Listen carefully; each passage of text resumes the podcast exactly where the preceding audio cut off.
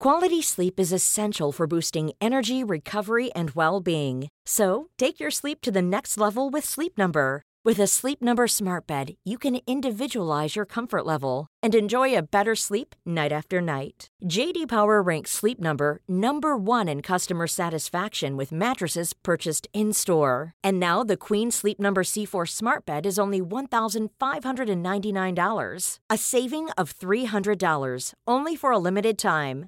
For JD Power 2023 award information, visit jdpower.com/awards. Only at Sleep Number stores or sleepnumber.com.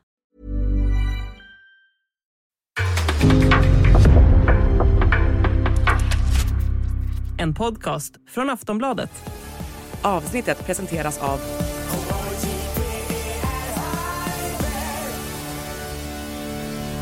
Stödlinjen.se, åldersgräns 18 år. Hello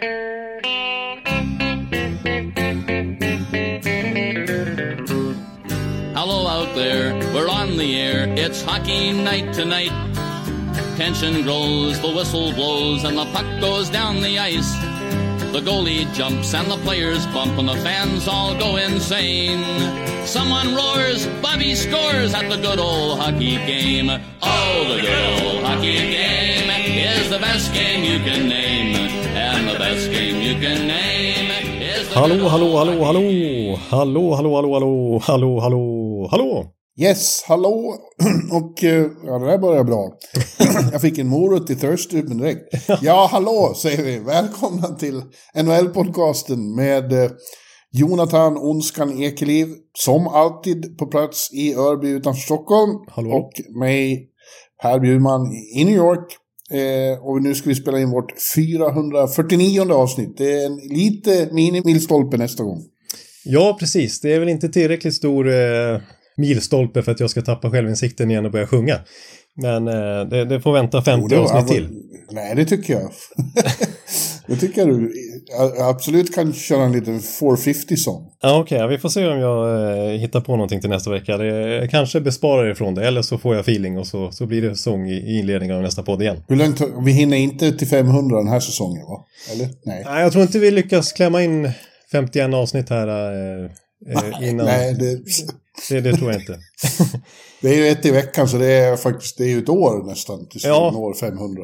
Precis, det är här i januari-mörkret eh, nästa år som eh, vi får ljusa upp med lite 500-firande helt enkelt. Ja. Men nu är det faktiskt inte januari så länge till. Det är därför jag är på lite bättre humör än vanligt idag. Det är ju sista januari.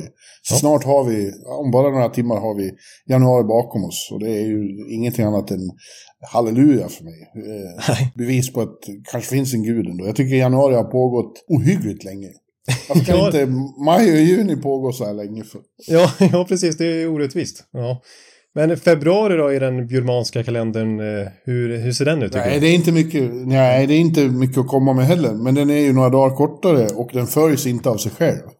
så Nej, det. eh, februari, februari är lättare att stå ut med. För att när det, februari är klar, då, då är vi i mars. Då, är, då börjar livsandarna verkligen återvända. Just det, då blir det ljusare utanför fönstret och det är trade deadline och det är slutspurt av grundserie.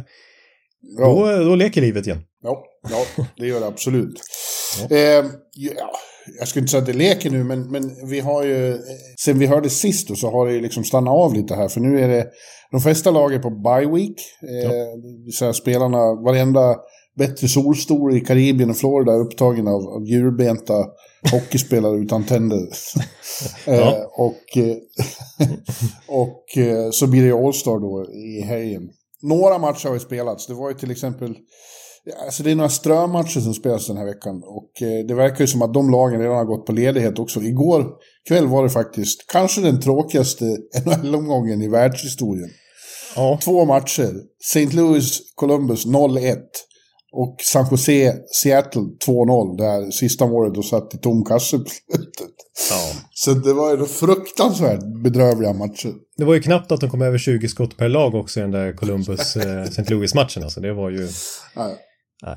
De, de, de var redan på väg på semester. Ja, då är det faktiskt nästan så att man mer ser fram emot de här All-Star-matcherna som vi brukar döma ut den här tiden på året. Det är ju lite för mycket jippo för vår smak, eller i alla fall min smak. För din smak, ja. Jag är ju inte li riktigt lika negativ som du. Jag, jag förstår ju värdet av det här. Det är ju inte för, för de som, det är inte för er som sitter och tittar på underliggande siffror direkt. Nej, det är inte så mycket det- och sånt där som räknas. Eh, här. Nej, det är inte så allvarligt. Men de har ju unga fans också, de har ju barn. Och när, när femårige Jonathan Ekeliv hade ju älskat det här.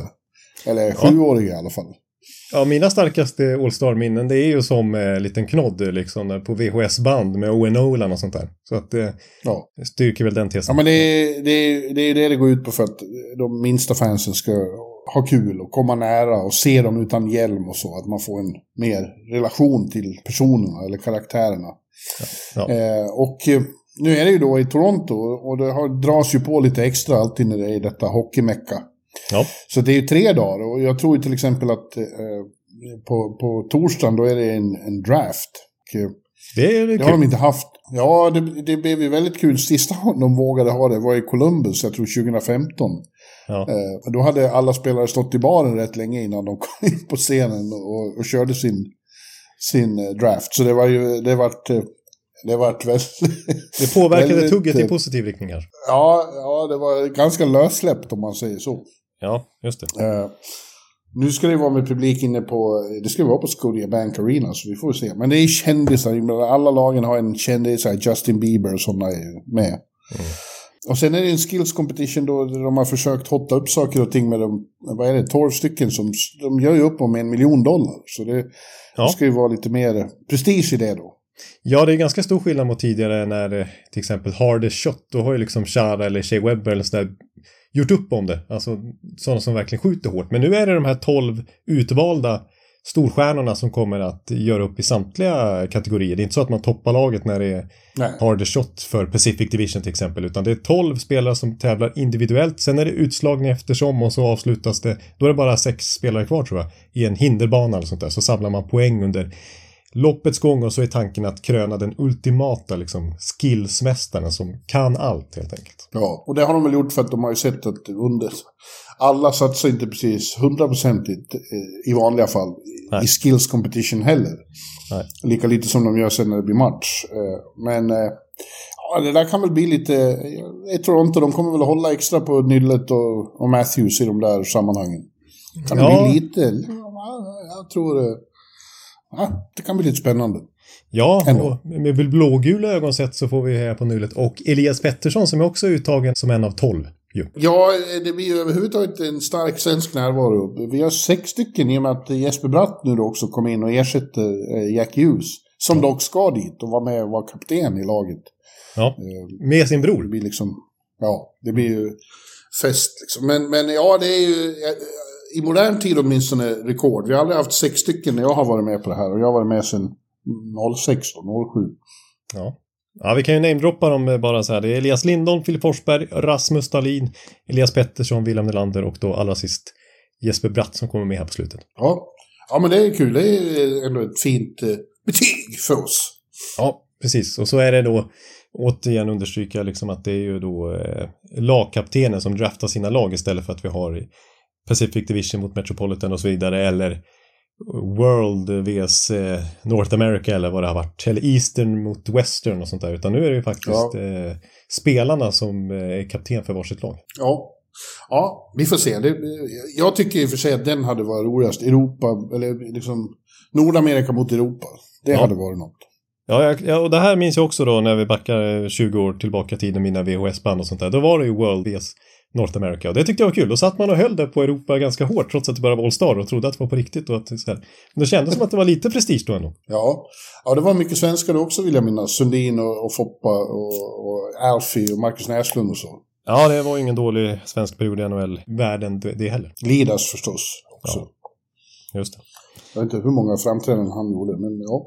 Ja. Ja, men det blir, och som sagt, det är Kanada och det är Toronto. Det, det kommer nog att bli, bli lite drag. Men det kommer också hänga en skugga över den här eh, tillställningen. Därför att det kommer ju definitivt att komma upp. Eh, Gary Bettman håller en årlig presskonferens. Och, och eh, då kommer det att pratas, inte i första hand om All-Star Fest, utan om den här eh, historien vi, vi var inne på redan förra veckan då, om de här fem spelarna som har blivit kallade av polisen för att bli Ja.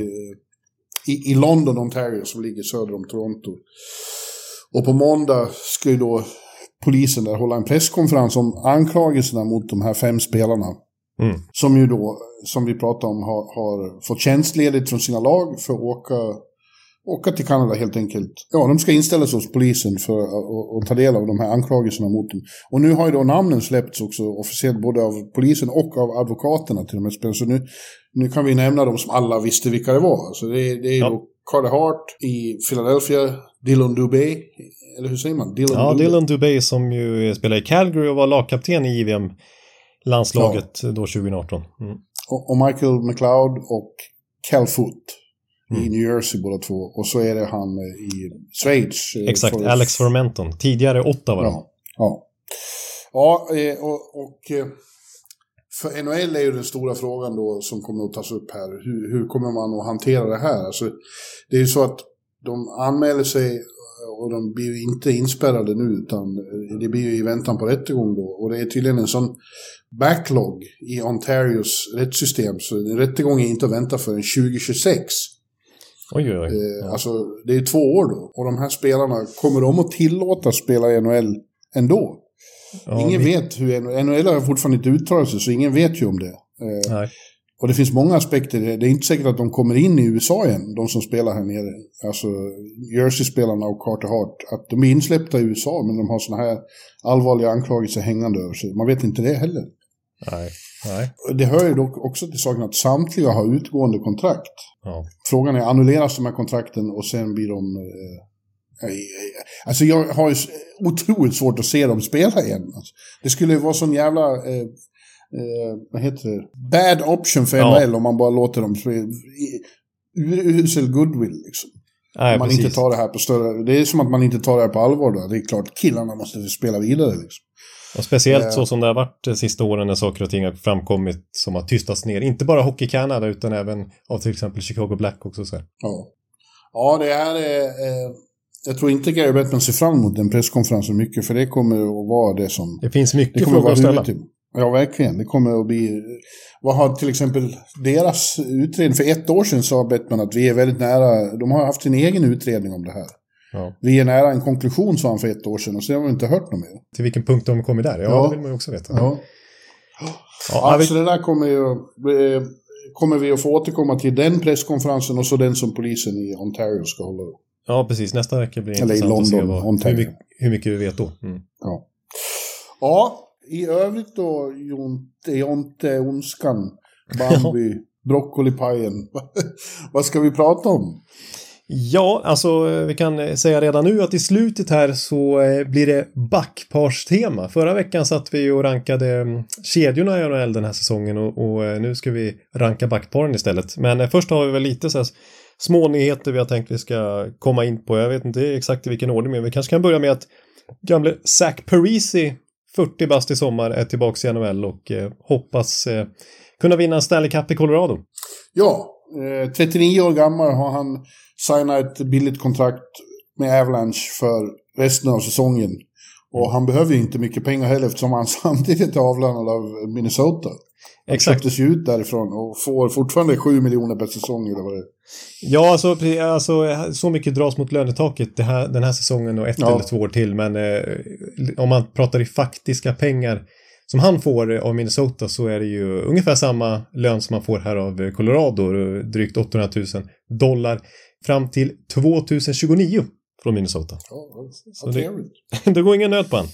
Nej, eh, och han kommer ju då inte in i Colorado för att vara någon stjärna, utan eh, han är ju tänkt som ett komplement i, på djupet. Eh, en djupspelare i tredje, fjärde kedjan och där tror jag definitivt att han fortfarande kan göra lite nytta. Ja, alltså jag tycker faktiskt att det är en rätt bra värvning av eh, Ja, Colorado. ja, det tycker jag med. Även om man som Helt sagt spontant. Ja, precis. Även om man är 39 bast och fyller 40 i sommar då. Eh, Men alltså eh, de två säsongerna han, han göra där i Islanders så spelar han faktiskt 82 matcher i båda. Och Ja. sista säsongen gjorde han över 20 mål. Eh, och just det här med att han ska vara en djupspelare. Nästan alla mål gjorde han i 5 mot 5, alternativt i boxplay. Det var bara tre han gjorde i PP. Så han är ju liksom en... Det är ju ungefär motsvarande roll han ska ha i Colorado nu, att spela i en tredje kedja kanske. Och den rollen axlar han ju väldigt fint i Islanders i fjol. Han är inte heller där var han ju någon stjärna längre liksom. Men han har ju han har blivit en bra liksom komplementspelare längre ner i hierarkin. Som jobbar hårt, kan använda sig i defensiva situationer och uppenbarligen pytsa in uppemot 20 mål fortfarande. Och han har hållit sig i form hela säsongen och så här. Eh, jag tror att Islanders och Lula Moriello fortfarande hoppades att han skulle skriva på där. Eh, faktum mm. är att eh, matchen som fick Lane Lambert sparka där mot Minnesota borta, det är ju i Minnesota, Minneapolis som han fortfarande har hållit till här, eh, Zach Parisi. Så käkade han middag med sina gamla Islanders-polare. och då, okay. då hoppades väl de kunna övertala honom att signa där, men så torskar de ju med typ 6-0. Ja. och och kort senare så valde han Colorado istället. För han har ju aldrig vunnit Stanley Cup, Zach Parise. Han har spelat nästan 20 år i ligan, debuterade 2005, över 1200 matcher. Det verkar vara hans största motivation här när han kommer tillbaka in i ligan. Det är väl klart. Ja. Vid 39 års ålder så börjar man inte om för, bara för att det är kul att spela med sina gamla polare. Utan det är ju, det är ju chansen att till sist ändå kunna förverkliga drömmen om en Stanley Cup. Eh, han är ju väldigt seriös och jag tror att han passar bra in i, i eh, Nathan McKinnons rike där med ja. gäller inställning och, och, och så. Ja. Och dessutom så tror jag att han har en väldigt, väldigt god chans då. Eh, ja. För mig har Colorado de senaste veckorna sett ut som en riktig contender igen. Alltså. Ja. De, de, är inte heller lika bra på djupet, eller har inte varit fram till den här signingen då, som de var när de vann 2022. Nej. Men eh, alltså spetsen är ju alldeles ohygglig med, med McKinnon och eh, Mikko Rantanen. Mikko Rantanen. Mikko Rantanen. Mikko Rantanen. Måste ju köra den varje gång man får chansen. ja. Så är det. Och, och, och Cale McCarr förstås. Och Devon Tays. Men är ohyggligt, ohyggligt bra. Mördande. Mördande ja. Ja, vi får slänga in massa gamla NHL-podden-klassiker. Men eh, ja. ja. om de skulle ha ett maximal flyt här att alla frånvarande spelare är tillbaka i slutspelet. Till och med en Gabriel Landeskog, vilket ju inte är helt uteslutet, det inget man ska räkna med. Om Valerien Sjurskin kommer tillbaks, Arturi Lekkonen är ju tillbaks nu också. Verkar det mm. som. De får in Zach Parisi dessutom. De kanske gör något ytterligare vid deadline. Ja, de kanske seglar upp som, en stor, som den stora favoriten eh, till slut, eh, Avalanche. Jag skrev idag en krönika i, i printupplagan om att Nathan McKinnon just nu är världens bästa spelare. Eh, mm. när han hade den förra veckan hade han en uppvisning mot Washington när han gjorde fyra mål och en assist. Och det såg ut som var så lätt. Och mm. kommentatorerna i, i Ball Arena skrek att uh, This is the best player on planet Earth and it's not even close.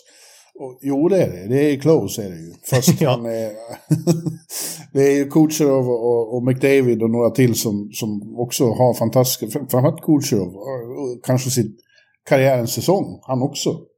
Ja. Men just nu tycker jag, när, i sådana där gånger, då, då, ser det ut som att McKinnon har nått liksom max. Han är på, han pikar nu. Det här, han är mitt i sin prime och det känns som han liksom eh, är, är så bra som en sån, ja, med, med, med, med, sin talang.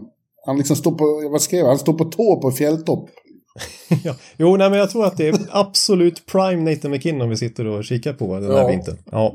Ja, jag håller med där. Eh, och eftersom McDavid haft lite skadeproblem i alla fall i början på säsongen och faktiskt inte lika omänsklig. Vi pratade lite om förra veckan här Edmontons enorma segersvit som fortfarande håller i sig och som kan bli rekordmässig här om de slår Vegas efter All-Star-uppehållet. Ja. Eh, att McDavid leder ju poängligan internt även i den här segersviten, men absolut inte med marginal. Eh, det är liksom som, inte som att han gjort så 35 poäng på 16 segrar utan typ 19. Liksom. Ja, fast han är, vi vet ju vad han, han är ju alldeles otroligt gudabenådad också. Absolut, han är världens bästa spelare. Men just nu är det, Conor, äh, är det Nathan McKinnon, det håller jag faktiskt med om. Och jag vill ju som Tampa-fan såklart lyfta fram Kutch också. Ja, men absolut. Det, det, det är ju inte bara bias från din sida. Han, eh, håller du med om att det kan vara hans bästa grundserie någonsin? Jag vill ju bara påminna alla om eh, 18-19 säsongen som slutade i fullständigt haveri där mot Columbus. Men eh, Tampa var så överlägsna i grundserien.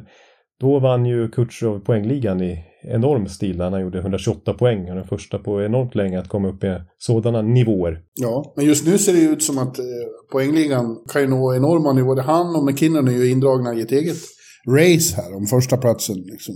De står ja. på 85 respektive 84 poäng nu. Eh, och halva serien är spelad. Det, det kommer ju att bli liksom fantastiska poängskördar till slut. Ja, precis. Och de, det känns som att de liksom de, det är viktigt för dem att ha sitt face högst upp där när man eh, går in på nhl.com ja, stats. Att det är Kutjos eh, bild som syns Ja. och inte McKinnon. Så när liksom den ena gör hattrick, då gör McKinnon eh, fyra mål eller vice versa. Ja. Alltså, typ, alltså de gör ju, det har varit enorma poängskörder för bägge. Och de spel, det, det, som har varit lite pikant är att de ofta har spelat varannan kväll. Inte samtidigt, så de har sett vad den andra Ja, gjort. Och sen liksom motiverat så att det är alltså en poäng i nästa match. Ja. Ja, ja så att... Eh, eh, nu var det en liten utsvävning här, men, men eh, Parisi eh, har valt rätt, tycker jag.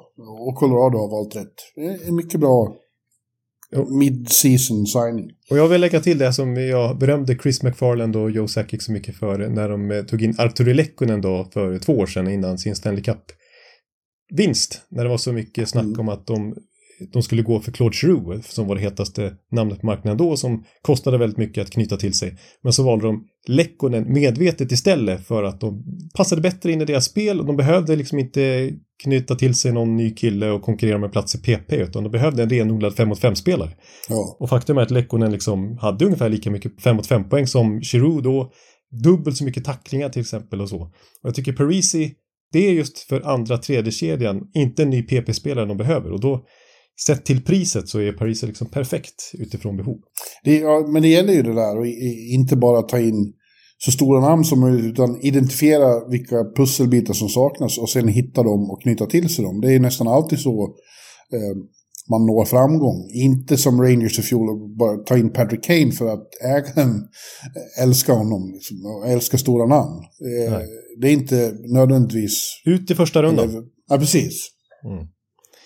Ja, nej, tvärtom så, så, så är det ju så att eh, sådana här tredje backpar, eh, tredje kedjan, eh, perfekta pusselbitar, att det är sådana som i slutändan visar sig bli Stanley Cup värda. Kolla på Tampa Bay till Ja. exempel, deras titlar. Så det, ja, jag tror Parisi kan eh, eh, ingå i den skaran. Ja.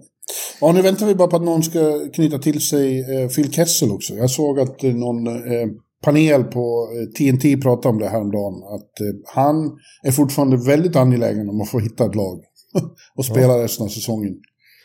Hålla liv i ja, sin, ja. eh, sin svit. Nej, han, han struntar ju egentligen i sviten. Han vill bara spela. Liksom. Han vill in i ett omklädningsrum igen och vara med i tugget. Liksom. Ja, det förstår jag. Det. Jag tror kanske inte, han kanske inte passar lika bra in i den här 5 mot 5-grejen som jag Nej. pratar om med, med, med Zach Parisi. Eh, men eh, det är ju en, eh, en eh, karaktär ändå och eh, han har ju verkligen eh, motbevisat det här gamla argumentet att man inte kan vinna med Phil Kessel. Nu har han tre inskriptioner i bucklan så att, eh, det går ju att vinna med Phil Kessel. Ja. Ja, eh, jag, jag skulle ju, för väldigt billig pengar, skulle inte, om man nu har utrymme och så, då, då skulle inte jag tveka om jag var, ja, vem ska man ta? Det finns många, eh, men det kommer nog att lösa sig närmare mars där, tror jag. Ja, jag hoppas också det. Vi vill se Kessel i ligan. Och Jag kan tänka mig att han eh, liksom säger då att nej, ni, skit, ni får absolut ha mig som helt i scratch och sådär. Alltså det, det, inte, Ja. det, har ju varit en grej tidigare att lag inte vågar trada till sig eller signa Phil Kessel för att de inte vill vara klubben som förstör hans eh, Ironman streak då. Jag tycker Toronto kan ta in honom. Ja, igen. Singa, där har han ju varit förr. Ja, det var där det han kallades blir- för omöjlig att vinna med så att eh, ultimata revanschen. ja. ja eh, mer. Vi har ju då i Philadelphia har hänt saker. Därför Owen Tippett, kanske lite oväntat, åtta år och 6,2 miljoner av Breer. Av Brieosten som vi kallar honom i bloggen. Ja, på bloggspråk. Ja, jo Mm. precis. Nej men... eh, Vad säger du om den? Ja, nej men det, det var ju ett mastigt kontrakt ändå får man säga för Owen Tippett, men han har ju slagit igenom i Philadelphia. Jag tycker inte det var liksom bland Philadelphia-fansen att de var oj, fantastiskt. Att han kommer hit i den där Claude Giroux-traden, apropå Giroux som vi nämnde här tidigare. Han var ju en av eh, liksom, utbytet Mm. från Philadelphia i den traden, men det var ju framförallt kanske första valet som de var mer nöjda med, Philadelphia-fansen. Men eh, Owen Tippett har ju verkligen hittat rätt, framförallt under John Tortorella här, som, som det har blivit en eh, spelare som Tortorella gillar. Han tycker fortfarande att det finns saker att jobba med, men han säger ju att han är on the cusp of being something really, really special. Ja, han har ju alltid några sådana som han hittar i sina lag innan spelare som han känner att han har möjlighet att liksom göra ett fullblodsproffs av. Ja, Han älskar den, han älskar att hålla på med, med det. den typen av Hitta projekt. dem. Ja. Ja, exakt. Slipa Enskilda projekt mitt i... Ja, ja, det är en av Tårtans favoritsysselsättningar. Ja. Ja, och han har ju gjort, eh, han gjorde ju nästan 30 mål i fjol, så det var ju succé. Då fick han ju sitt genombrott. Och i år här, framförallt på slutet innan skadan faktiskt har drabbats av nu, så var han ju riktigt het. Alltså gjorde ju så här 10 mål på 12 matcher typ. Och, och, är väl on pace för över 30 mål den här säsongen. Så att eh, det är en bra spelare, Owen Tippet. Och passar perfekt in i Tortorellas Flyers hockey här. Den här säsongen är de ju otroliga i kontringsspelet. De är liksom typ topp i NHL när det kommer till att utnyttja motståndarnas misstag och sen sticka iväg kontringar och göra mål och förvalta sina chanser där. Och Owen Tippett är ju en typisk sån spelare då, med sin speed och sitt skott. På juniornivå var han ju en otrolig sniper liksom. Han gick ju 10 i draften 2017. Eh, före typ Nick Suzuki och Martin Nations valdes precis efter men som, det var ju, Florida trodde väldigt mycket på, på tippet då men han slog ju aldrig riktigt igenom där. Men här i Flyers Tortuella Hockey så det är liksom perfekt uppbyggt för hans spelstil. Mm. Nu har, de har ju varit en stor positiv överraskning fram till alldeles nyss. Nu, eh, innan uppehållet här så hamnar de i en riktig svacka och förlorar fem raka faktiskt. Eh, ja. Det kanske är en justering, att de kanske har överpresterat lite grann. Eller så är de bara slitna. Det är jobbigt att spela under Tortorella. Ja, jag tror det är lite både och där. Och de kan vara lite slitna av schema tror jag också. De var först till 50 matcher. De har typ avverkat sina västmatcher redan nu. Alltså det är otroligt ja. vilken, vilket västtungt schema de har haft. Faktum är att resten av säsongen har de bara en match kvar utanför sin egen tidszon. Chicago borta. De har varit på alla de här ja. Eh, västra Kanada och Kalifornien och eh, sådana roadtrips. Så att eh, ja. man kan förstå om de är lite slitna och att det kan vara skönt att åka ifrån Tortorellas hårtork och sitta ja, där de i behövde nog Den här ledigheten kom nog väldigt lägligt för deras del. Ja. Det gjorde den. Ja. Jag lägger till där också faktiskt att de har signat nytt också med Ryan Paling, tvåårskontrakt. Och det, det som jag vill säga med det, det är ju en djupspelare som också Tortorella då uppenbarligen gillar. Eh, men det som är lite pikant i sammanhanget tycker jag att han också gick i första rundan 2017. Det är väldigt speciellt draft för Flyers att titta tillbaka på eftersom att man tog, eh, man hade ju tur då i draftlotteriet och missade väl precis slut, slutspel men hade jättetur i lotteriet och fick andra valet. Och tog då Nolan Patrick och trodde man att man hade sin nya franchise-center klar. Eh, och Vad hade de? Franchise-center. Ja. ja. Vad sa jag för någonting? Frans franchise. sin nya franchise-center klar va? Eh, ja. Det är så man säger. Ja. Eh, mm. och eh, ja, vem valdes trea? Ja, det var ju Miro Heiskanen. Fyra, Cale McCarr. Femma, Elias Pettersson. Så oh, wow, ja. gick ju bet på några kanoner där får man säga. Och så Nolan Patrick har ju tyvärr fått lägga av nu på grund av sina hjärnskakningsproblem. Otroligt tråkigt. Men de fick ju ut lite grann av den där 2017-draften ändå kan man säga. Eftersom att Owen Tippett gick 10, spelar nu i Flyers. Ryan Paling gick 25, spelar nu i Flyers. Och Morgan Frost gick ju också där i, i slutet av den första rundan, vald av just Flyers och är kvar i laget. Så att, tre spelare från 2017-draften, även om Nolan Patrick blev en superflopp. Ja. Cool fact a crocodile can't stick out its tongue. Also, you can get health insurance for a month or just under a year in some states. United Healthcare short term insurance plans, underwritten by Golden Rule Insurance Company, offer flexible, budget friendly coverage for you. Learn more at uh1.com. Apropå hjärnskakningar som du nämnde där så har ju då New York Rangers fått stänga ner Filip Hytil för resten av säsongen. Han kom tillbaks, han var ju hemma i Tjeckien och, och fick eh, eh, ta hand om sin första hjärnskakning. Kom tillbaks hit eh, och förra veckan, mm. det var väldigt underligt. Alltså, han var ju med på en träning i, i, i no, no contact jersey. Mm. Men lyckades ändå skada sig igen och fick hjälpas av isen. Eh, ja. Och strax efter kom beskedet att ja, det var ny hjärnskakning och eh, ja, han är färdig för den här säsongen. Man måste ta hand om hans hälsa i första hand, vilket såklart är korrekt. Eh, ja, riktigt tråkigt. Han skriver själv att det är tuffaste tiden i hans liv som han genomgår just ja. med de här bakslagen. Mm. Ja. ja, det där är alltid tungt och oroande på lång sikt på, på flera olika sätt. Men det mm. blir ju också, det, det, det intensifierar Rangers eh, behov av en, en till center. Alltså, mm. de har två centrar i, i eh, Mika och Trocek. Ja. Men bakom dem så är det plötsligt väldigt tunt, down the middle. Så Nick Bonino är borta nu också. Honom vill de inte ha kvar, han håller inte. Nej, de har nästan ingenting. Speciellt inte om Nej. de ska fortsätta eh, betrakta sig själva som contenders. Liksom. Nej. Så det är ju ja, det är mycket surr nu. Jag tycker att Elliot Friedman, insider på Sportsnet som vi brukar referera till, var ju inne på att de kanske ska ta in två centra till och med. Ja, precis. Men eh, eh, och hetaste centern där ute som väntas bli tillgänglig det är ju då Elias Lindholm i Calgary. Eh, Ja. Elias Seb Lindholm. Lindy kallad. ja. Eh, jag skulle ju inte ha något emot att få hit honom förstås. Eh, det skulle vara väldigt trevligt med en till svensk. Och jag tror att, alltså det, det är ju bara det här att jag har sett vissa local skribenter här, framförallt Larry Brooks, eh, tycker inte att de ska gå hårt in på att det här är liksom vinna eller bust. Liksom. Eller vad säger man? Ja, ja, eh, ja, så kan man väl säga. På svengelska i alla fall. Men det, är något, finns något uttryck. Stanley Cup or bust, eller vad ska man säga? Ja, ja, Stanley Cup och bust. Att de inte ska liksom betala för mycket för en rental.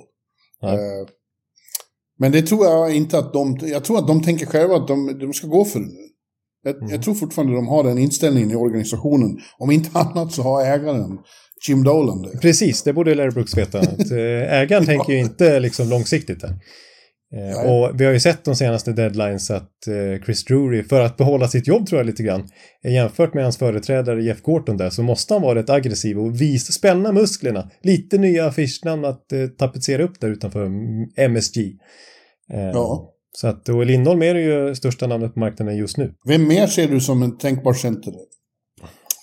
Ja, alltså den som det snackas mycket om som är rimligt såklart, det är ju Sean Monahan. Det kanske inte är riktigt, Mm. men han har väl kanske inte samma eh, affischnamnsvärde längre. Men faktum är att han har gjort, han har ju verkligen studsat tillbaks efter sina skador den här säsongen och gör ju succé i Montreal.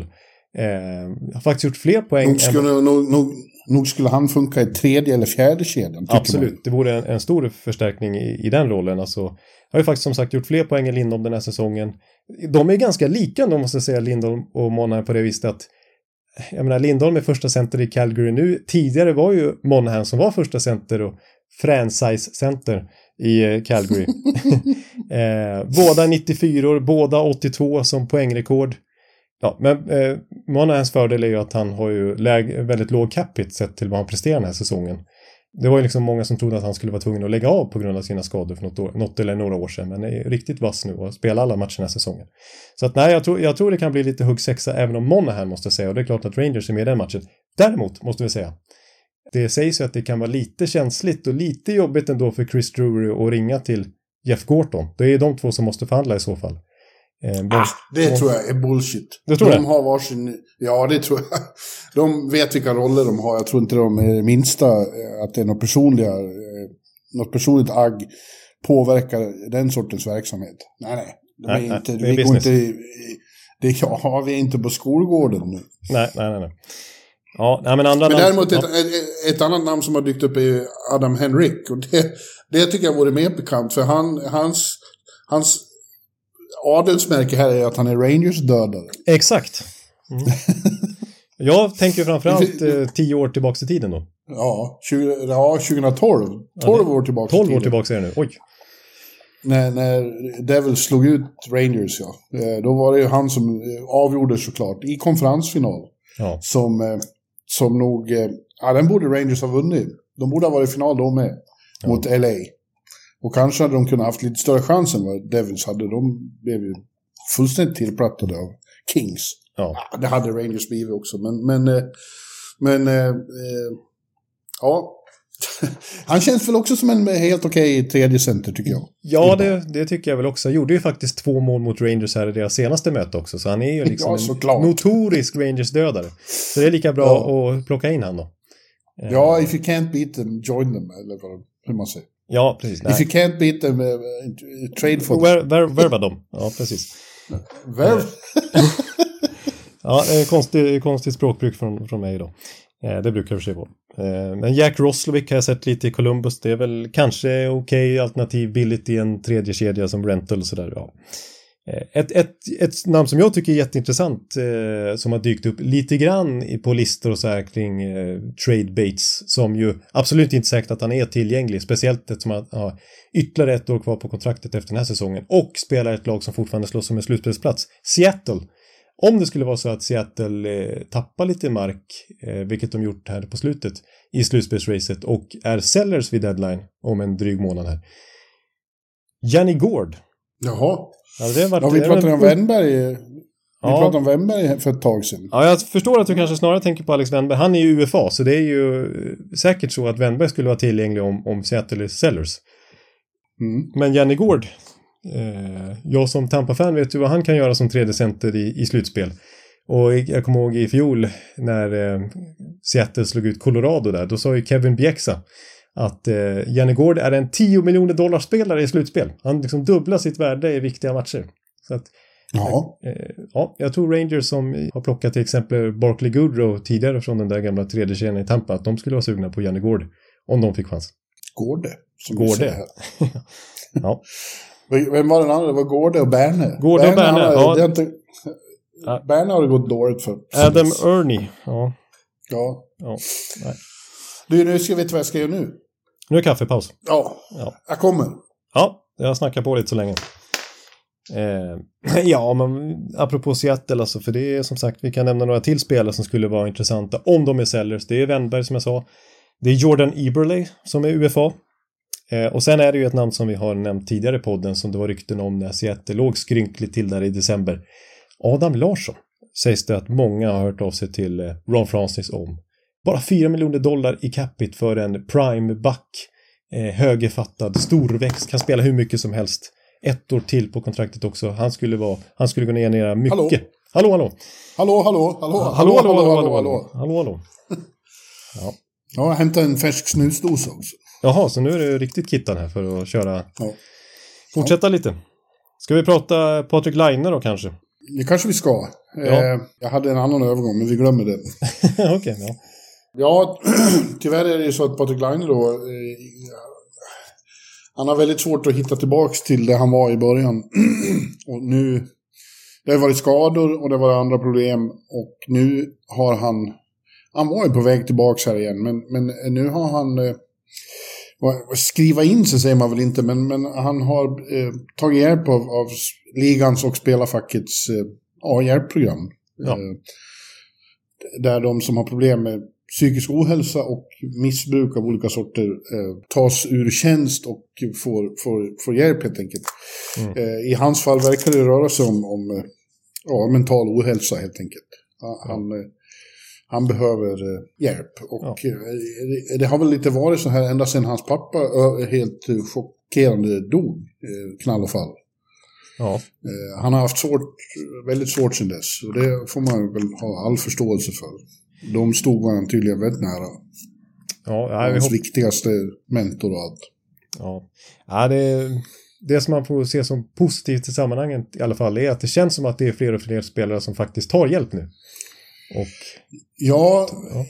man kan se det så att det är bra, att, men man kan också fråga sig eh, varför är det så många som mår så dåligt? Eh, ja, det är ju också en fråga. Det, det är någon epidemi liksom.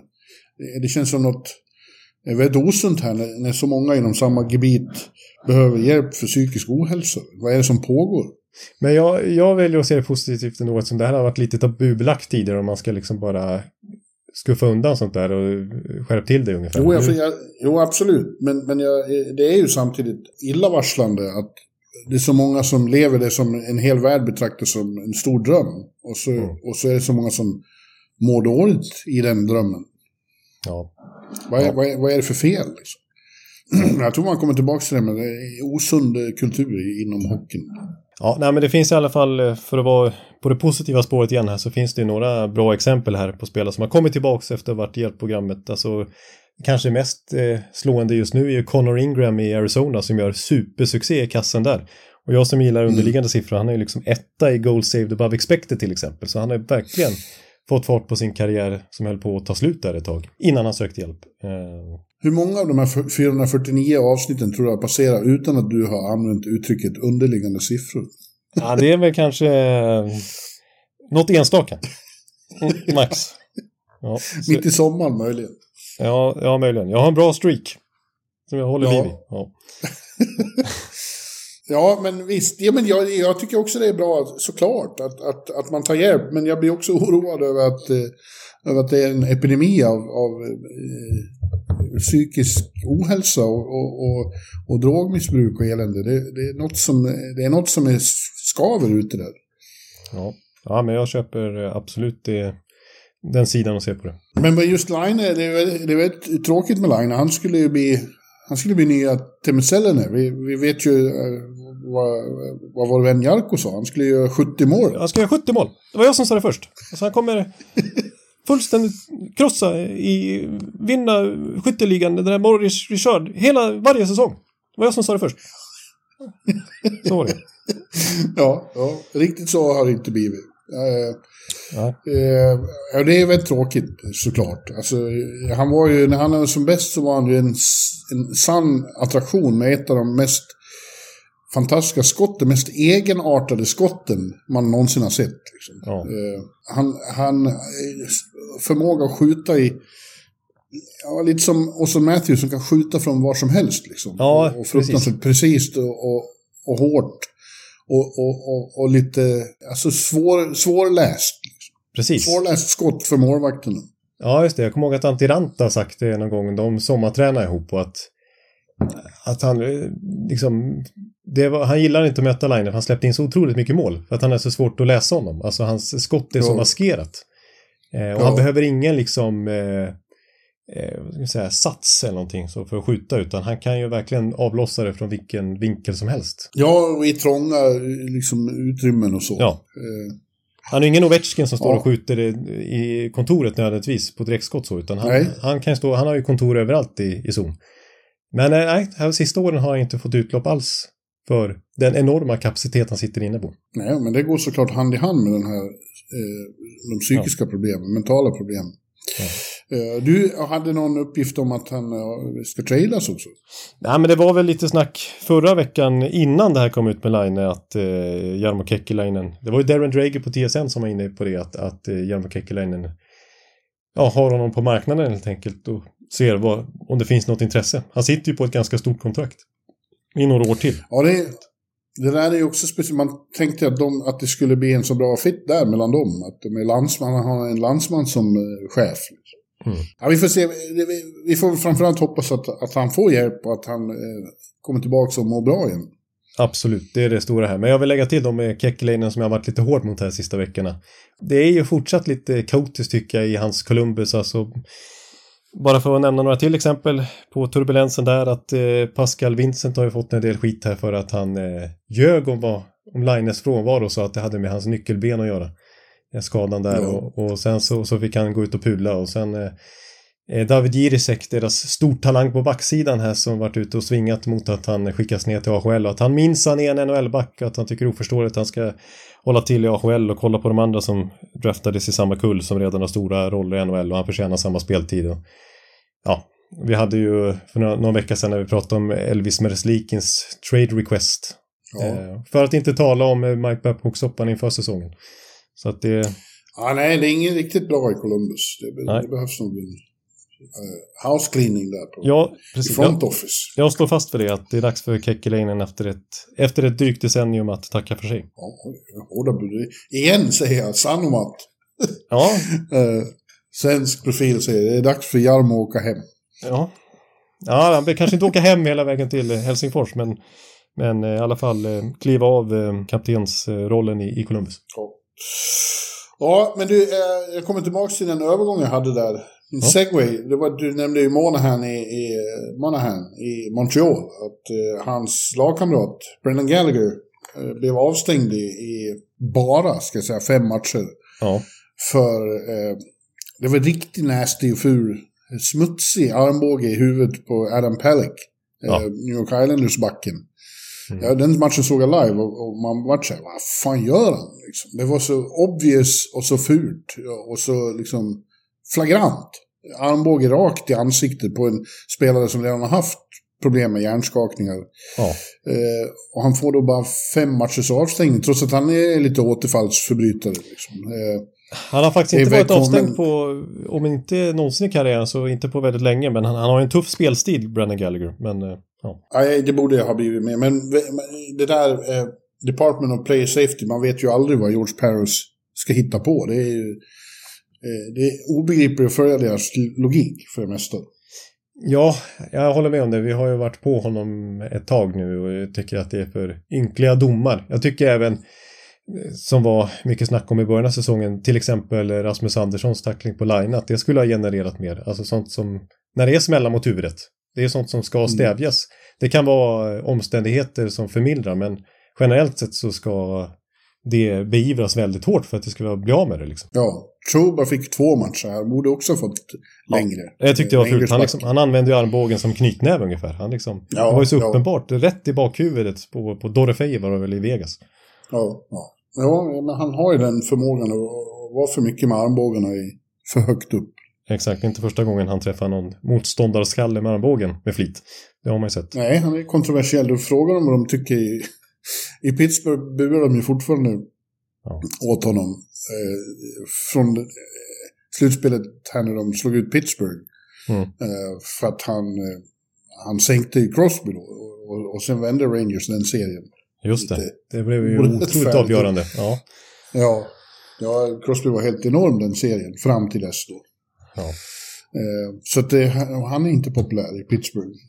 Det kan jag säga. Nej. Nej, Nej det ska... Ja. Hårdare straff. När vi, när vi ändå är inne på den matchen, det är klart att det som fick eh, mest rubriker direkt efteråt var ju den där eh, Gallagher-smällen. Men eh, inför så var det ju mycket snack om att, eh, och det pratade vi om förra veckan, för då skulle den matchen precis spelas. Patrick Rouse återkomst till Montreal. Och det var ju mäktiga scener under nationalsången i Ja. Bell Center. Ja, han är verkligen St. Patrick i, i, i Montreal. Det var ju, ja, han var, det var ju video under, under nationalsången och stående ovationer och grejer. Precis, de lightade ju upp eh, 33 i taket där också, Roas Ja, eh, ja. tröja. Ja, ja. ja han var ju ta, eh, tacksam för det. Men han underströk ju samtidigt att nu handlar det inte om mig, det handlar om mina spelare. Ja, ja precis. Precis, eh, alltså när de zoomade in honom efter det där och liksom när de fortsatte att hylla honom, då minns han så gick han och började prata med sina assisterande och, och så här såg ut som att det var gameface på. Men under nationalsången, då såg man nästan en tår. Alltså. Till och med Patrick Rowe eh, blev lite berörd. Till och med, han är ju väldigt känslosam. Han är inte bara arg, utan han har känslor överhuvudtaget. Ja, jo, det är för sig sant. Ja. Nej, det var fint i alla fall. Det är ju, att vara kung i Montreal, det är ju något alldeles extra ändå. Ja, det är det verkligen.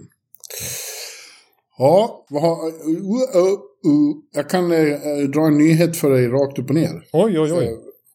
Vancouver Canucks president hockey operations uh, Jim Rutherford announced today that general manager Patrik Alvin has signed a multi-year contract extension. Där kom den då. Ja, det Ja. pratade vi ju faktiskt om senast. Så nu har Patrik också fått eh, förlängt. Precis, då pratade vi ju om att Jim Rutherford hade fått förlängt och att det var en tidsfråga enligt Rutherford innan Alfin också skulle få förlängt och nu är det alltså officiellt då. Ja, men det är ju Mm. oerhört välförtjänt eh, med tanke på hur de har vänt fullständigt vänt på den där organisationen och tillhör absoluta toppskiktet av tabellen numera. Absolut. Ja, kul för Patrik. Mm. Du, eh, vad har vi mer då? Nej, vi har ingen mer. Nej, jag tror inte vi har något mer av det vi pratade om på förhand utan eh, i så fall är det ju det vi ska avsluta med då som ju är eh, backpars special efter eh, då kedjespecialen senast. Ja, vi, vi, förra veckan tog vi ut, eh, eller utnämnde de bästa kedjorna av de som är något sånär intakt, liksom, eh, vad heter det? Kontinuerligt sitter ihop. Ja. Ja, ja, ja, ja, så kan vi säga. Och nu tänkte vi då lika med backpar. Mm. Eh, de är ju oftare eh, satta liksom, i sten, Ja. backparen. Eh, inte alltid, men, men många är det. Och du har, har, du, har du tagit ut fem igen? Ja, precis. Förra veckan du körde ju mer på känsla och kommenterade lite mina och eh, ifrågasatte vissa. Eh, Ja, men eh, eh, ja, det blir samma upplägg den här gången. Jag har ju då rankat de fem bästa enligt mig och det är svårt alltså. Man får ju utesluta några stycken man egentligen tycker platsar och som kanske du tycker jag borde ha med. Plus att jag redan nu har brasklappen att eh, ja, sätta en liten gräns för hur mycket de måste ha spelat ihop den här säsongen för att jag ska kunna kalla dem liksom ett kontinuerligt ja det är ju det. Vi har ju, vi har ju skador, tunga skador hos vissa som skulle ha varit med på den här listan om de hade ingått med sin normala backpartner. Ja, precis. Ja, men eh, till exempel, eh, ja, men, för att ta ett exempel, eh, Hampus Lindholm och Charlie McAvoy skulle kunna vara med på den här listan sett till vad de har presterat när de lirar ihop. Men de har ju varsitt backpar i normala fall och då tycker inte jag att de räknas som ett backpar även om deras resultat ihop. Jag kollar ju som vanligt på mycket underliggande siffror. Slående bra. Eh, men eh, de räknas inte som ett backpar i den här rankingen. Nej, och lika i, Vegas så är ju eh, eh, Alex Petrangelo och Shea Theodore är ju otroligt. Men nu har ju Theodore knappt spelat på hela säsongen. Nej. Till exempel. Ja. Ja, men eh, låt höra då. Låt, let's go. Ja, På femte plats. på femte plats, jajamän, då kommer mitt, eh, ett av mina favoritbackpar här sista nio månaderna kan man säga i NHL-podden som jag har lyft fram många gånger. Gustav Forsling och Aaron Ekblad, Florida Panthers. Ja, ja, ja men det... Ja, eh, det är kul att Gustav har blivit sån, liksom... Ja, affischnamn höll jag på att säga nästan, men han är... Han är verkligen eh, en, en, en riktigt tung första backpars eh, pjäs i NHL. Ja, alltså jag tror inte, alltså apropå affischnamn, jag tror inte han har fått det där erkännandet bland den breda Nej. massan än faktiskt. Han är ju lite för ospektakulär också. Men bland liksom hockeynördarna, om man ska säga, så är ju Gustav Forsling väldigt hypad nu. Och inte minst i Florida. Kanske inte ett så bevakat lag sådär, men jag menar Barkov kallar honom för Norris-kandidat till exempel. Eh, Ja. Maurice har ju enormt förtroende för honom. Det här var ju det backpar som spelade mest i hela slutspelet i fjol och gick hela vägen till final. Stängde ju ner motståndarnas bästa serier konsekvent fram till att de föll mot Vegas. Eh, men de har ju varit exceptionella den här säsongen också sen Ekblad kom tillbaka från skada. Lirat över 450 minuter så att då kommer de med på den här listan som ett sammansatt backpar. Eh, jag kan dra lite siffror bara snabbt. Bara, för, bara för att illustrera. De är till exempel plus 10 ihop den här säsongen. Eh, de har näst högst expected goals-procent.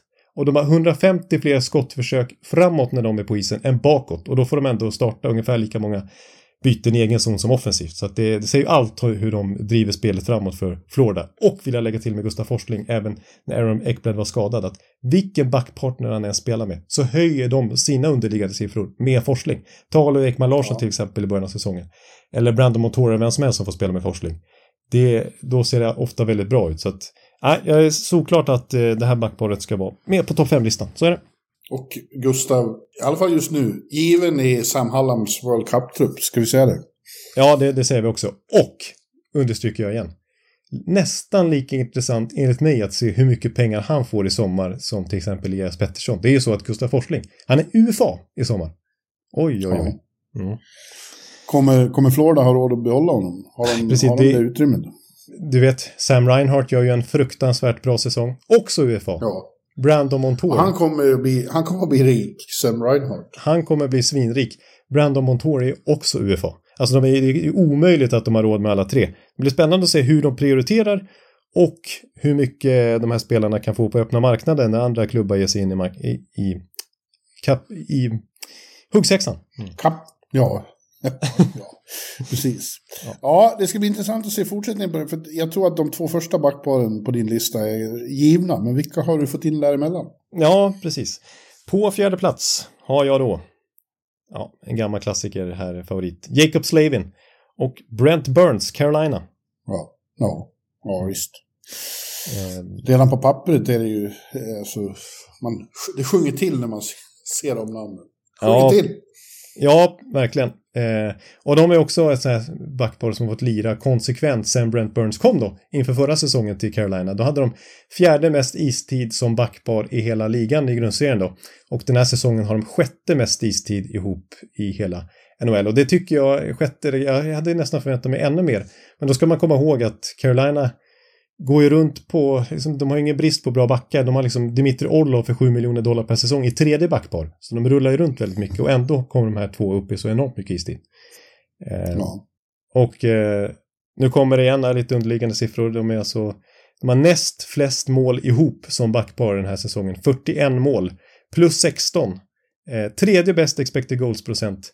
65 skott mer från slottet framåt än bakåt. Så ni, ni hör ju liksom att det, och det här är också ett backpar som ofta får starta i egen zon för de är så skickliga defensivt. Framförallt Slavin då som är kanske ligans allra bästa defensiva back. Så att ett väldigt komplett, komplett backpar och Burns när han får spela med Slavin visar ju att han är inte för gammal än. Komplett.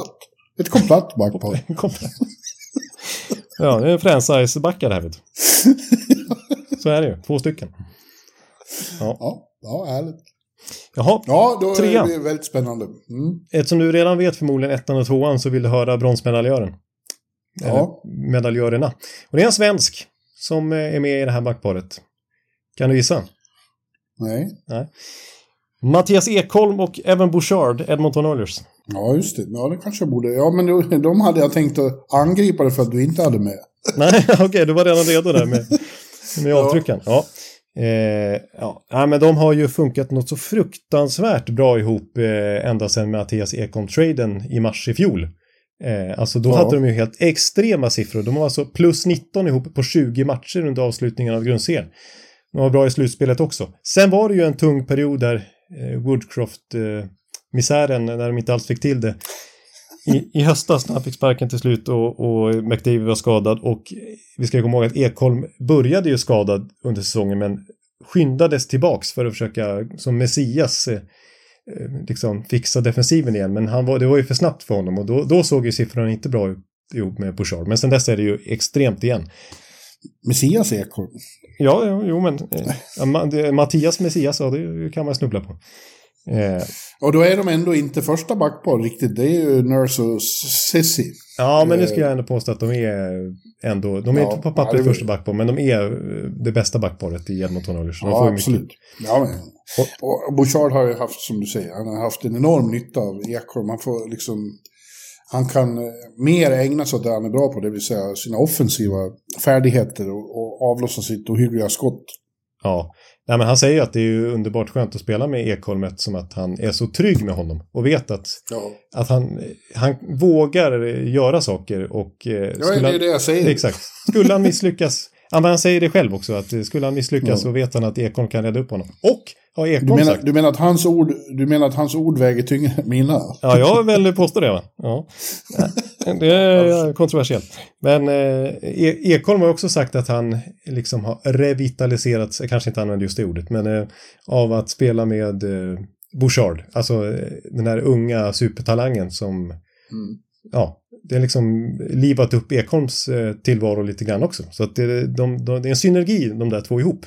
Och för att dra underliggande siffror så har vi alltså, vi pratar nu högst expected goals procent i hela ligan. Alltså, de, de har faktiskt, de har ju bra statistik reellt sett. Alltså de har varit inne på 10 mål fler framåt än bakåt. Men de borde vara plus 16 om man ser till expected goals. Så det är liksom inte tur än sånt där. Utan de borde snarare ännu bättre statistik sett till hur det ser ut på isen. Eh, så att ett otroligt bra backpar. Men då har vi topp två och de kan du få dra där. Sen är frågan i vilken ordning man vill sätta dem. Det är väl det som är ja, lite spännande. Det är, men det är, men det är, det är Colorado och Vancouver som delar på den här. I, i Colorado har vi Kel McCarr och Devon Taves och i Vancouver har vi Quinn Hughes och Philip Ronek. Mm. Eh, ja, Tänk om, jag... om du hade sagt nej, det var inte alls så.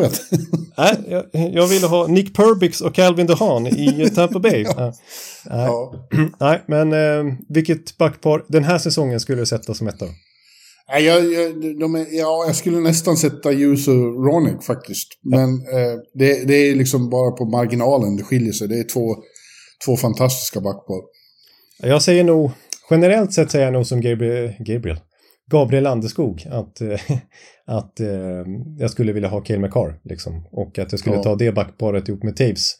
Om jag liksom var tvungen. Ja, så, absolut. Men just nu, nu pratar vi om hetast just nu och då kanske det är Juice och Ronick ändå. Ja, sett i den här säsongen har jag satt dem ett också. Kan säga. Mm. Och eh, ja, vi kommer tillbaka till det här egendomliga i att Steve Eisenman gav upp Ronek. Man fattar inte riktigt det. Nej, han fick ju ett första rundaval visserligen, men det, det, alltså, det var en konstig trade. Konstig timing med tanke på att Vancouver eh, var sellers liksom och så gjorde de aldrig in den traden men det var ju otroligt smart då inför den här säsongen att ha den klar. Eh, ja. Och, och pa, para ihop med Queen Just. De har ju varit otroliga tillsammans och här kan vi verkligen snacka liksom eh, ljuv musik i underliggande siffror öron då som Per Bjurman börjar få hoppas jag. Eh, Ja, men vi kan säga att de har ju överlägset flest mål ihop som backpar. 53 stycken. Jag sa ju att Slavin och Burst hade, hade 41 som tvåa, så det är ju, de är helt överlägsna. Och de har knappt varit inne på några mål bakåt heller, så att jämförelsevis i alla fall. Så de är ju plus 24 som backpar. Ja. Eh, och det är lite kul, jag var tvungen att kolla hur deras statistik ser ut ihop med Lottokedjan då, som vi pratade lite om förra veckan. Miller, Besser och Pettersson eh, som har satt ihop, satts ihop här på slutet. När alla de fem är på isen samtidigt så är de 9-1. Ja. Brutalt överlägsna. Ja. ja. så att eh, det får bli Ronek eh, Hughes som etta. Ja, jag tycker jag har inga större invändningar. Jag tycker att det finns fler backpar som går att nämna. Eh, Ja. Till exempel Heiskanen nu när han kommer tillbaka och spelar med Thomas Harley som har fått lite genombrott den här säsongen. De har jag skrivit upp också. Mm. Ja. Eh, och i Winnipeg har vi Josh Morrissey och eh, DeMello. Ja, Det, det är också ett väldigt bra backpar. Och sen tänker jag ge dig, nu, nu har de ju så mycket skador i Tampa, men, men eh, Victor går ju jättebra ihop med i huvudsakligen Darren Radish. Eller hur?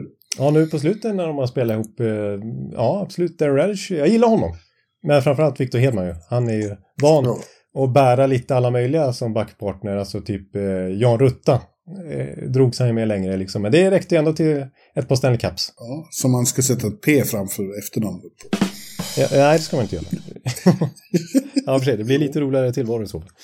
Men, eh, Ja. ja. Nej, men eh, jag har några till. Jag vill först bara säga det med Thomas Harley och Miro Heiskanen. Tänk att, att de har fått fram en sån som Thomas Harley som ser väldigt bra ut nu, uppe på det typ 30 poäng den här säsongen och väldigt mycket mål och som gör så bra ihop. Och gör avgörande mål. Ja, ja, ja, ja, han ser riktigt bra ut, Thomas Harley. Och det är den här, de här otroliga eh, draftögat de har i Dallas. Man blir avundsjuk alltså som motståndarsupporter. Vi har ju pratat jättemycket om den här 2017-draften. Inte bara i Philadelphia-perspektiv här som jag var inne på tidigare i podden, men också ur Dallas-perspektiv. Där de fick Heiskanen, Jake Ottinger och Jason Robertson i samma draft. Ja, det är... Ja. Där kan man snacka om jackpot. Ja, och nu har de liksom Wyatt Johnston som har slagit igenom rejält här eh, i fjol och gör det bra i första kedjan numera i Dallas. Och så har de ju Logan Stankoven och Maverick Bork på gång i AHL. Etta och tvåa i AHLs poängliga som är alldeles för bra tror jag. Redan nu för den ligan och borde få spela i NHL, men de, det är liksom inte plats i Dallas forwardsuppsättning för att, att skicka upp dem också. Liksom. Eh, de, och det är liksom egendraftade spelare hela bunten. Alltså hur gör de? Ja. Eh, och nu Harley håller på liksom att visa sig vara en toppback, han med. ja, Dallas-Boston i final. Jag har ju tippat Dallas som Stanley Cup-mästare. Ja, det är inte, inte alls dumt, Jonte. Ja. Ehm, Ja, har du några fler backpar på din lista där? Mm. Eh, Pit- Pittsburgh, kan man nämna dem? Kan man nämna? Det var ju, ett tag såg det ut som det skulle vara Erik och Marcus Pettersson ihop, men det är det ju inte. Marcus Pettersson spelar med Letang och Karlsson med Graves, i alla fall just nu. De Ja, kastar alltså- om rätt mycket där. den, som, den får spela med, alltså jag kan säga den av Erik och eh, Letang som får spela på, med Marcus Pettersson gör det ju bäst. Alltså Ma- Marcus Pettersson lyfter ju sin backpartner. Han är ju ruskigt stabil och, och uppenbarligen trevlig att spela med. För att dra Erik Karlssons siffror ihop med Marcus Pettersson är de riktigt bra. Förra veckan pratade vi om att, att Pittsburgh är ett bra 5 mot 5-lag. Att det är special team som av någon anledning fäller dem i år, trots att de har så skickliga spelare och borde gynnas av den spelformen. Men eh, titta på eh, underliggande siffran med Pettersson och Karlsson. De är alltså 25-12 ihop. Alltså mer än dubbelt så många mål framåt som bakåt. Eh, Ja. Så att, eh, ja, jag håller med om det är ett bra backpar när de sätts ihop. En annan svensk som har, eh, alltså det är ju Jonas Brodin och Brock Faber i Minnesota. Ja, just det, just det, just det. Ja, Eh, absolut. Ja, eh, Adam Larsson och Vince Dunn är ju eh, ett backpar som spelar enormt mycket ihop. Förra säsongen var de ju i topp när det kommer till istid i hela NHL och i slutspelet... Vilka vem sa du nu? Eh, Dunn och Adam Larsson. De har ju enormt med speltid. De lirar så här 30 minuter ihop per match i slutspelet där innan de till slut åkte ut Seattle. Och spelar enormt mycket den här säsongen också. Trots att Seattle ju går upp och ner så har de väldigt bra statistik ihop. Så det är ju också ett, ett par jag vill nämna. Sen finns det ju några till. Eh, I, I Rangers har ju, har ju Fox, Lindgren och Miller Troba varit bra fram till nyss. Eh, Mm. Nu är de inte alls bra. Nu är till att börja med Troba avstängd och Lindgren skadad. Fox senast ner, ner, ner i tredje backpar. De, eh, alltså Rangers eh, backspel har varit under all kritik på slutet. Eh, då Faktiskt. försöker Laviolette med allt möjligt där för att väcka liv i gubbarna. Kandre Miller har varit riktigt, riktigt dassig säsong. Har han. Eh, så att eh, de, kan inte, de, har, de är inte i närheten av den här Ekeliv-listan tycker jag. Nej. Alltså ett, de här var absolut inte nära att ta plats topp 5 på något sätt, men jag tycker de är lite roliga att nämna i när vi pratar Philadelphia och när vi är inne på mycket trade-snack och så här. Två spelare som det pratas om mycket i trade-sammanhang, inte så sexiga namn, jag kan säga det direkt, men som spelar ihop. Det är faktiskt Nick Sealer och Sean Walker i Philadelphia som många klubbar uppges vilja ha om nu Brier bestämmer sig för att vara seller trots att de ligger bra till i tabellen. Alltså det backparet ihop har ruskigt fina starka siffror alltså. Extremt försvarsinriktad roll, startar typ alla byten i egen zon. Men ändå positivt liksom skottfördel framåt. Släpper till väldigt lite, jättebra framåt. Eller jättebra framåt ska jag säga, men de flyttar upp spelet i alla fall. Så att eh, jag förstår varför många klubbar eh, hör av sig till Brière om båda två. Ja. Ja, Ja, nej men sen det är klart. annars. Morgan Riley, TJ Brody, Toronto, men nej, jag, när vi pratar topp 5 i NHL så nej, jag, jag, jag är nöjd med min eh, lista. Ja, jag tycker den får godkänt. Mer än godkänt. Bättre än kedjor, ja 5 plus, okej. Hur mycket, många... Fyra sa jag. Fyra, okej, det var jag som hörde eh, dröms, Du önsketänk. hör vad du vill höra. Ja, precis. Hur många plus får kedjerankingen då? Den känns som att den inte fick eh, lika högt betyg. Tre. Tre plus, ja men Tre det var plus. bra. Mm. Ja, ja. Ja, eh, vi får väl ta målvakten nästa gång då. ja det kanske är målvaktspar. Nej, ja, ja, målvaktspar. Ja, det tar vi. Eller så blir det målvakts helt enkelt. Det är ju en ny månad nästa gång vi spelar in så då ska vi göra Vessina, Just det. sådana grejer ska vi gå igenom igen. Ja, och så kommer det eh, All-Star-rapport. Jag ska packa väskan nu och ta mig mot Toronto. Precis, du ska ju faktiskt eh, på firmafesten där kan man väl också kalla det i ärlighetens namn. Nej, jag ska vara så försiktig. Oj, oj, oj. Jag ska jobba, ja. Ja. Det blir som i Stockholm i, i november. Då var det inte, hanns det inte med någon mycket fest inte. Nej, vi hade ändå snackat upp det lite på förhand att vi skulle hinna ses lite utanför Globen, men det blev ju inte mycket av den dagen. Det var en dag vi hann, eh, Ja, det var innan det hade börjat. ja då hann vi ses över ett par glas eh, Heineken eller vad det var. Jobbet går först. Så är det alltid. Så är det, så är det. Men eh, Ja, vi tackar för oss den här veckan då och så eh, önskar jag dig eh, lycka till eh, uppe i Kanada. tack ska du ha. Vi hörs. Hej då. Ja, hej, hej alla lyssnare och eh, på återhörande. Hej! Hallå, hallå, hallå. Hallå, hallå, hallå. Alex Chiazot, Joe Luis Arena och Esposito. Esposito. Uttalsproblem, men vi tjötar ändå. Och alla kan vara lugna, inspelningsknappen är på. Bjuder Hanna Kohl, han är grym i sin roll. Från korrespondenten har han fullständig kontroll på det som händer och sker. Det blir ju allt fler som rattar in hans blogg. Gå och lyssna på hans podd. One, two, time, speed, so Hallå, hallå, hallå. One, two, time, speed, so Hallå, hallå, hallå. Ekeliv, som är ung och har driv. Verkar stor och stark och känns allmänt massiv. Han hejar på Tampa och älskar Hedman. Sjunger som Sinatra. Ja, och där ser man. Nu är det dags för refräng. Dags för magi, Victor Norén. Du är ett geni. Så stand up at home and remove your hats. Höj volym, för nu är det plats. One, two, time, speed, so Hallå, hallå, hallå. One, two, time, speed, so Hallå, hallå, hallå. One, two, time, speed, so Hallå, hallå, hallå. One, two, time, speed, so Hallå, hallå, hallå. Det är otroligt länge sedan båda samtidigt var så här bra. Hallå, hallå, hallå. Det är otroligt länge sedan båda samtidigt var så här bra.